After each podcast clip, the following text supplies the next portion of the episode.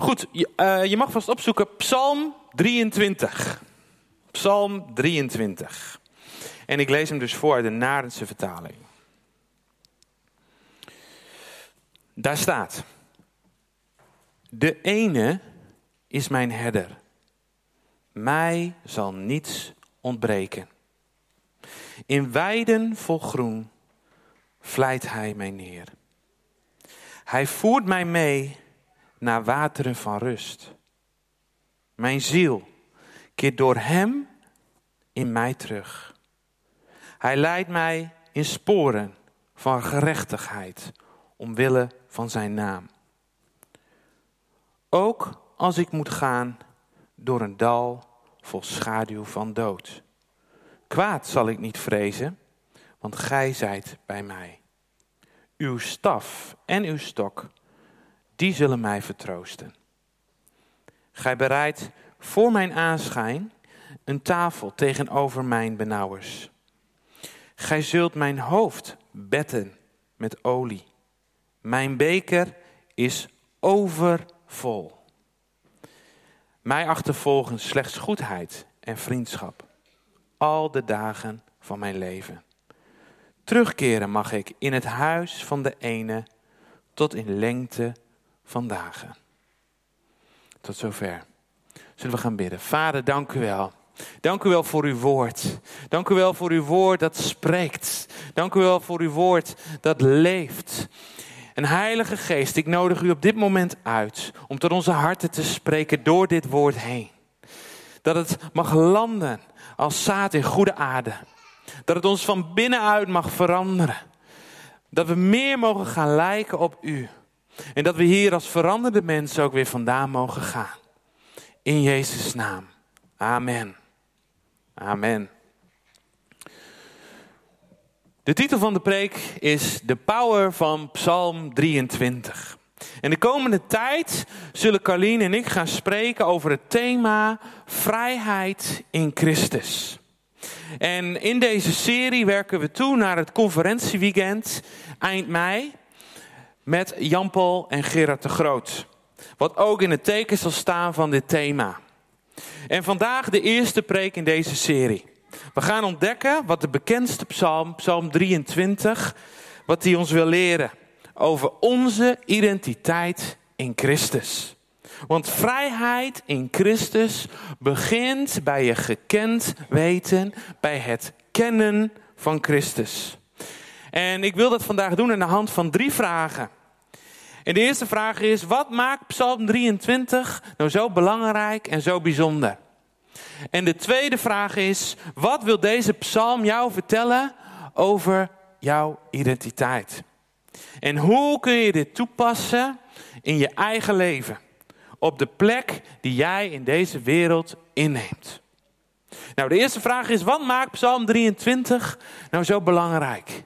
Zo bijzonder? Nou, veel van ons kennen Psalm 23. Het is de bekendste psalm die er bestaat. al vroeg op de zondagschool leren we dat liedje. De Heer is mijn herder, mij ontbreekt niet. Ja. dus vanaf al onze vroege jeugd staat deze psalm in ons geheugen gegrift. En deze psalm is geschreven door David. En op het moment dat David deze psalm maakte, is hij talloze keren gezongen. Er zijn nieuwe versies van uitgebracht. En ook in de toekomst zal deze psalm 23 inspiratie zijn voor vele nieuwe, prachtige aanbiddingsliederen. Maar wat maakt nou dat deze psalm zo bekend is? Wat maakt dat deze psalm van al die 150 psalmen die er in de Bijbel staan, misschien wel de meest gezongen psalm is?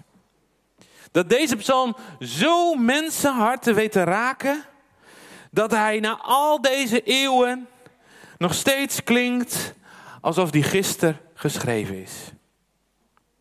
En dat heeft enerzijds te maken met de vorm. Het is een waar poëtisch meesterwerk. In de korte spanning van slechts zes versen word je meegenomen in een heleboel gebeurtenissen. Er is sprake van krachtige woordkeus, parallellen, scherpe wendingen, zoals we dat noemen. Het ene moment sta je in een weide van gras. En het andere moment trek je door het dal van de dood. En al deze wendingen die dragen bij aan het vergroten van de spanning, waarin iedereen zich afvraagt, waar gaat dit naartoe? En aan de andere kant heeft het ook gewoon te maken met de inhoud. In het tijdsbestek van die zes versen zie je het leven van David als een film aan je voorbij gaan. David die weet wat het betekent om zijn identiteit te hebben in Christus. Als je de indrukwekkende geschiedenis duikt van David, dan zie je dat God het centrum is in zijn leven. Zijn hart klopt voor God. Ja, het leven loopt niet altijd zoals God het heeft bedoeld, maar hij vindt altijd de weg terug naar het vaderhart van God. En ik probeer me voor te stellen dat moment dat David op een avond zijn, zijn koninklijke pen, of misschien was het wel een ganzenveer, pakt en achter zijn bureau gaat zitten in zijn paleis. En op het moment dat hij dat, dat doet, dan grijpt de Heilige Geest hem. En die fluistert die eerste woorden in zijn hart. Die eeuwige woorden van deze psalm. De ene is mijn herder. Mij zal niets ontbreken. En David, hij voelt deze zin als een echo in zijn ziel. Het resoneert. Het klikt. En hij besluit om deze zin op te schrijven. En je vraagt je misschien af, ervaart hij het ook zo? Voelt hij het ook zo? Of is hij misschien zijn gevoel aan het overschreeuwen? Geeft hij niet toe aan emoties die er misschien wel zijn? Of is het in de jaren die achter hem liggen een diep gewortelde waarheid geworden? Verankerd in zijn ziel. En terwijl hij deze zin opschrijft, stel ik me zo voor, is hij terug op de velden van Bethlehem. Bij de kudde van zijn vader Isaïe. Op die plek waar hij God heeft leren kennen. Als zijn vader. Waar hij zich volledig gekend weet door zijn hemelse vader. En terwijl hij deze woorden opschrijft in zijn paleis, komt hij los van die hysterische toestanden van het hof op dat moment. Of misschien zelfs wel los van de trauma's uit het verleden. Hij is op de plek van intimiteit met zijn hemelse vader. En is dit niet waar elk mens ten diepste naar verlangt? Je gekend weten, je gezien weten door God de Vader. Het is de veilige basis, het onmisbare fundament van elk mens. De vader die tegen je zegt, lieve schat, ik hou van je. En je weet, de Heer is mijn herder. En dat is genoeg. Meer heb ik niet nodig. De Heer is mijn herder. Mij ontbreekt niets. En die tweede zin, die vloeit bij David hierna als vanzelf uit zijn pen. In weiden vol groen vlijt hij mij neer. Hij voert mij mee naar wateren van rust. En wat zijn Davids grazige weiden? Vraag ik me dan af. Wat bedoelt hij dan met stille wateren? Wat wil hij jou, mij, ons hiermee vertellen? David weet als herdersjongen wat schapen nodig hebben. Grazige weiden en rustig water. Maar in zijn eigen leven zien we vaak het tegenovergestelde. Weiden die zijn alles behalve groen, vruchtbaar en waterrijk. In de hectiek van het leven, in de harde werkelijkheid van het dagelijkse leven, ontdekt hij zo vaak dat hij niet meer verder kan. En is dit niet heel herkenbaar voor ons allemaal? Herkennen we dit niet allemaal? Dat je door de drukte en de zorgen van je gezin of je bedrijf, of misschien wel eenzaamheid, ziekte, dat je het gevoel hebt dat je niet meer verder kan. Of dat je het gevoel hebt dat je langs de zijlijn staat. En we weten ook dat koning David deze momenten kent in zijn leven, waarin hij gewoon niet meer verder kan. Hij kan niet meer verder. En daar, in die momenten ontdekt hij God als zijn herder. En jij?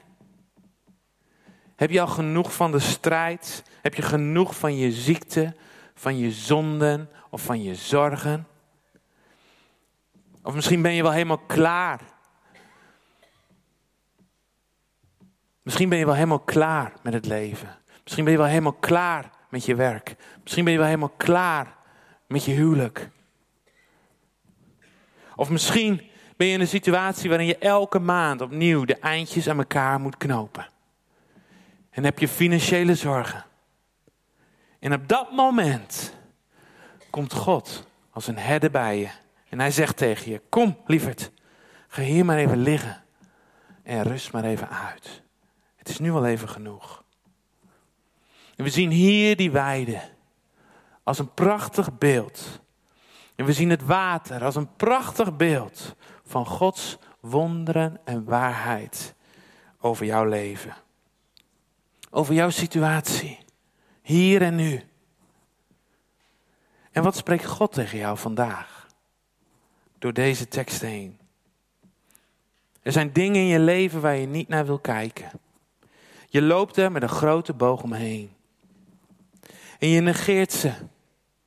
In plaats van dat je er aandacht aan geeft, blijf je er rondjes omheen draaien. En het zijn patronen geworden in je leven waar je al heel lang mee worstelt. Patronen die je vasthouden. En je weet dat je keuzes moet maken. Maar in plaats daarvan maak je keer op keer keuzes waarvan je weet dat ze niet goed voor je zijn.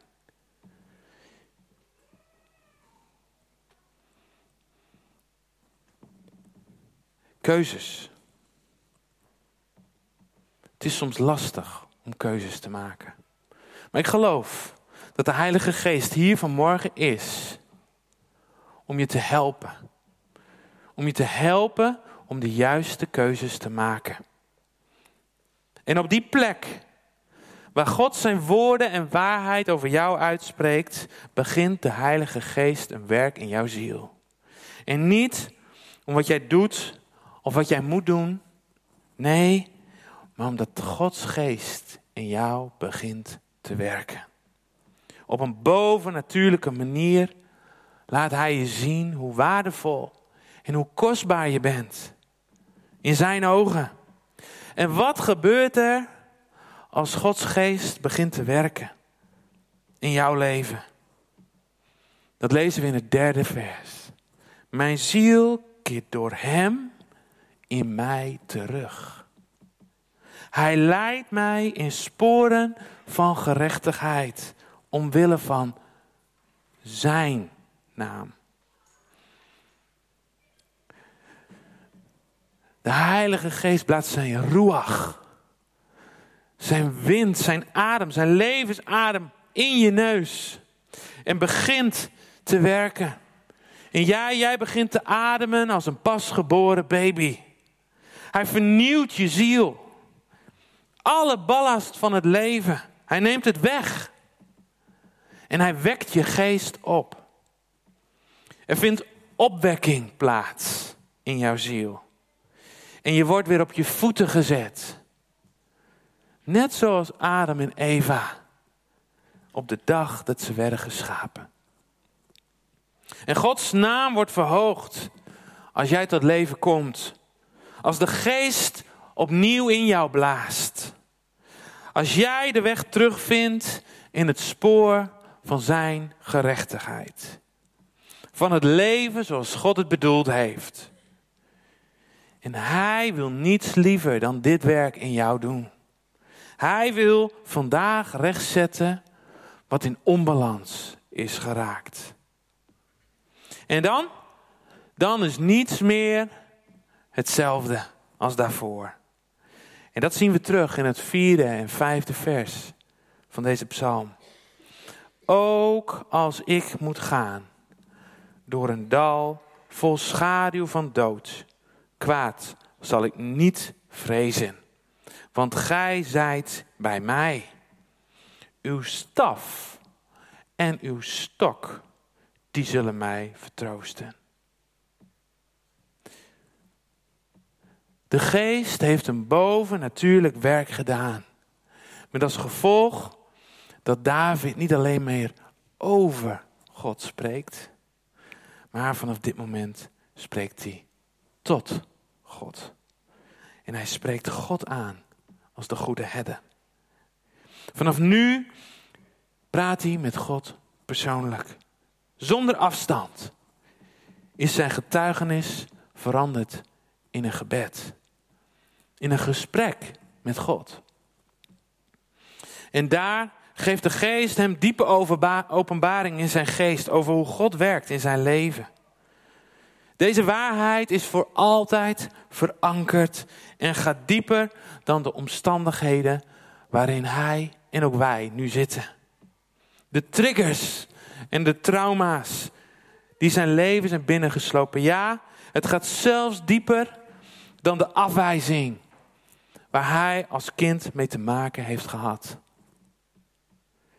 En wat is jouw dal vol schaduwen? Hebben we die niet allemaal? Dingen waar we bang voor zijn, trauma's uit het verleden. Dat zijn de dingen die je s'nachts bij je strot kunnen grijpen.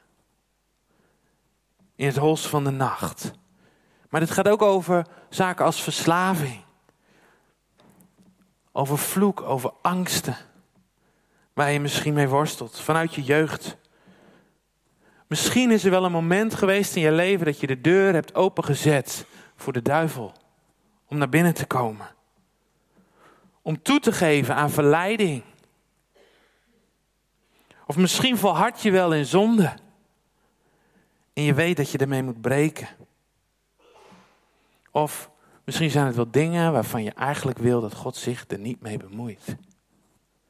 De dingen waarvan eigenlijk je zegt, ja, maar hier ben ik nog de baas over. Heer, ik, ja, ik geef u mijn leven behalve dat.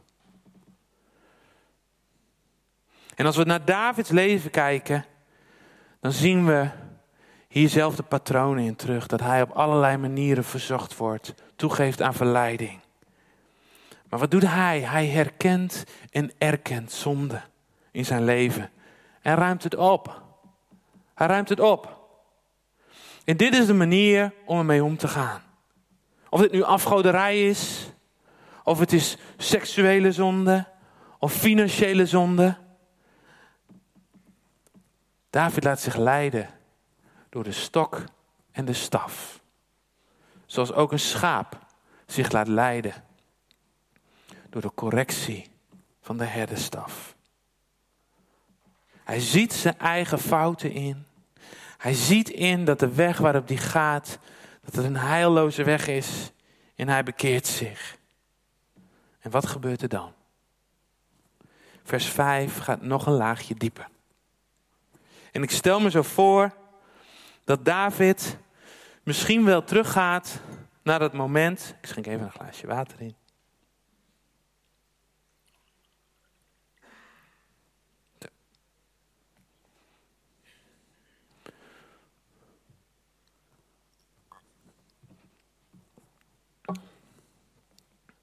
Zo, bent u er nog?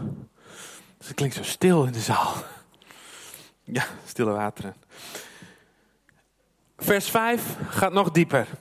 En ik stel me voor dat David terugdenkt aan dat moment dat Samuel bij hem langskwam in Bethlehem. Samuel die van God de opdracht kreeg om een nieuwe koning voor Israël te zalven. En wat doet Samuel? Hij maakt het offermaal gereed. En onder de oog van de oudsten in de familie van David, zien we daar hoe dat offermaal bereid wordt. En dan zien we hier geen van hen werd aangewezen. En als laatste wordt de jonge David opgehaald van het veld. En Samuel, hij ziet hem staan in de deuropening. Die knappe herdersjongen. En dat is ook zoals God naar jou kijkt vanmorgen. Hij kijkt naar jou en hij ziet daar die knappe herdersjongen. Die knappe herdersmeid. Die knappe herderskerel. Die knappe herdersvrouw. Net van het veld gehaald. Waar hij op de schapen van zijn vader moest passen. Niet gezien door zijn familie. Zelfs niet gezien door zijn eigen vader. Maar wel gezien door God. En hoe is dit voor jou? Ben jij gezien of ben je niet gezien? Ben jij gekend of ben je niet gekend? Ben jij geliefd of ben je niet geliefd? Of misschien ben je wel net als David vergeten, overgeslagen, afgewezen. En als dit zo is, dan mag ik vandaag tegen jou zeggen: de kruik gaat vandaag open. Hij gaat open voor jou. En voor jou. En voor jou. En voor jou. En voor jou. En de geur van die kostbare olie. Die vult de ruimte. Die vult die ruimte. Ruik je het al? En die geur die vult die hele ruimte. En iedereen denkt: wow, wat is dit? Wat gebeurt hier? En zo wordt de ruimte gevuld door Gods geest. En die kruik die wordt daar in de aanwezigheid van iedereen, van iedereen, tot de laatste druppel over Davids hoofd leeggegoten.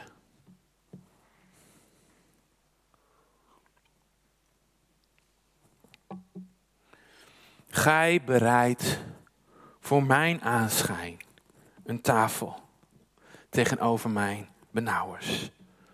Gij zult mijn hoofd betten met olie. Mijn beker is overvol. En in vers 4 zie je, God zorgt voor je.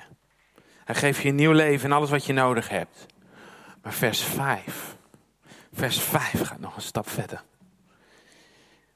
Want in vers 5 maakt God jou tot een getuige, tot een teken, tot een beeld van zijn grote naam.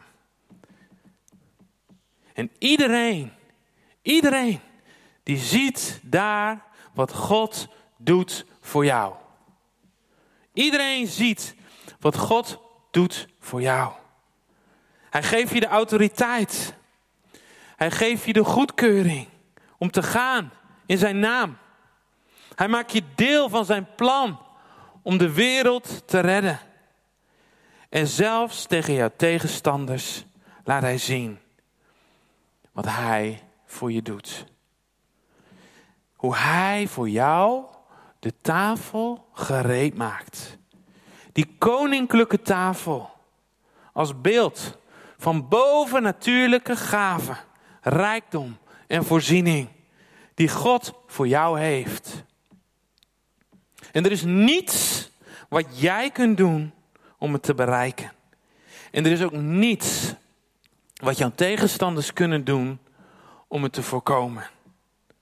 Want het is God die het doet. De schepper, de eeuwige, de almachtige is op dit moment aan het werk. En de tafel is gereed gemaakt. En die tegenstanders, ze staan erbij en ze kijken ernaar. Ik zie dat beeld dat ze zo op de derde, misschien wel de vierde rij of de vijfde rij daar staan. En ze zien het en ze denken, wat gebeurt hier? Wat gebeurt hier? En God, hij pakt die kruik met olie. Met heilige goddelijke olie. En hij giet hem helemaal leeg. Tot de laatste druppel. Over je hoofd. En de beker van het koningschap is overvol. Met andere woorden, zijn wil geschieden. Zoals God het wil, zo zal het gaan. En dan het laatste vers. Het zesde vers. Deze psalm is niet alleen in zes versen gemaakt, hè, want die indeling die hebben wij later bedacht. Maar deze psalm is ook in zes gedeeltes gemaakt. En ik vraag me af, is dit toevallig? Nou, ik heb ontdekt, in Gods woord is niets toevallig. Of wil David ons iets hiermee zeggen? Dat laatste vers. Mij achtervolgen, goedheid en vriendschap. Al de dagen van mijn leven. Terugkeren mag ik naar het huis van de ene tot in lengte van dagen.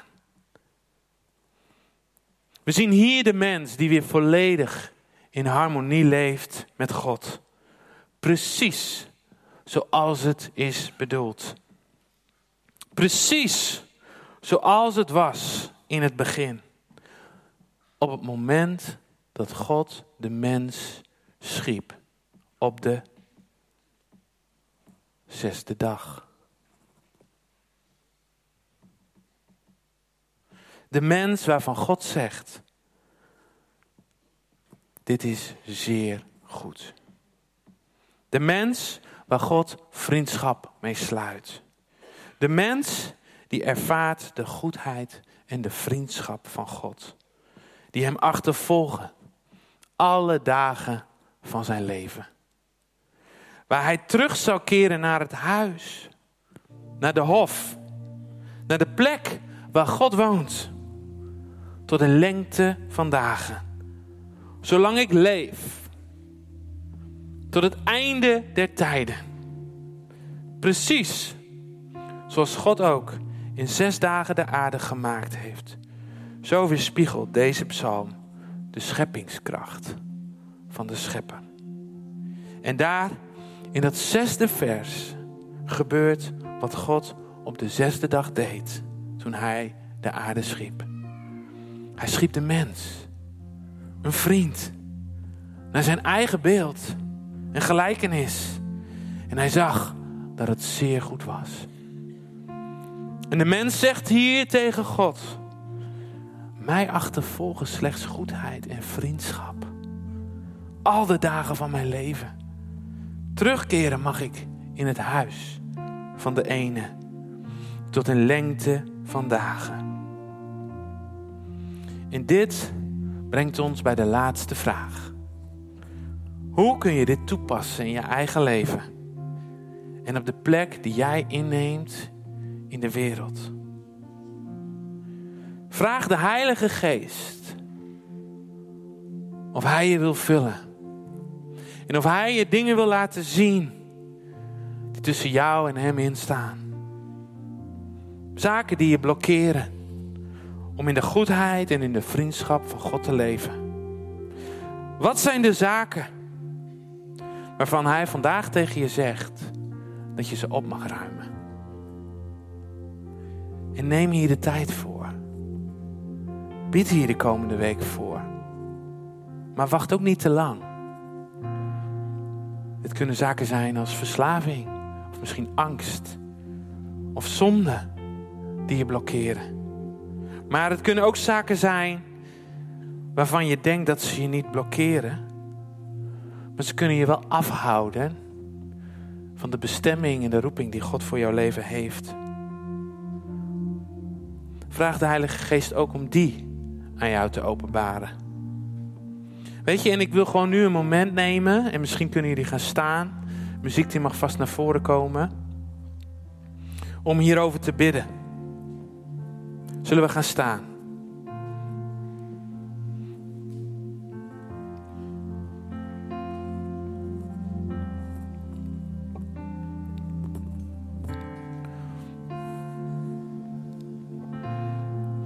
Onze ogen sluiten? Een houding van gebed aan te nemen. En richt je gedachten op de Heilige Geest. Heilige Geest, u bent hier vanmorgen. En zoals u de woorden in de geest van David fluisterde voor deze prachtige psalm, zo bent u ook hier vanmorgen om tot ons hart te spreken. Om dat te doen wat u wilt doen vandaag. En Heilige Geest, u bent hier. En u wilt spreken tot ons hart.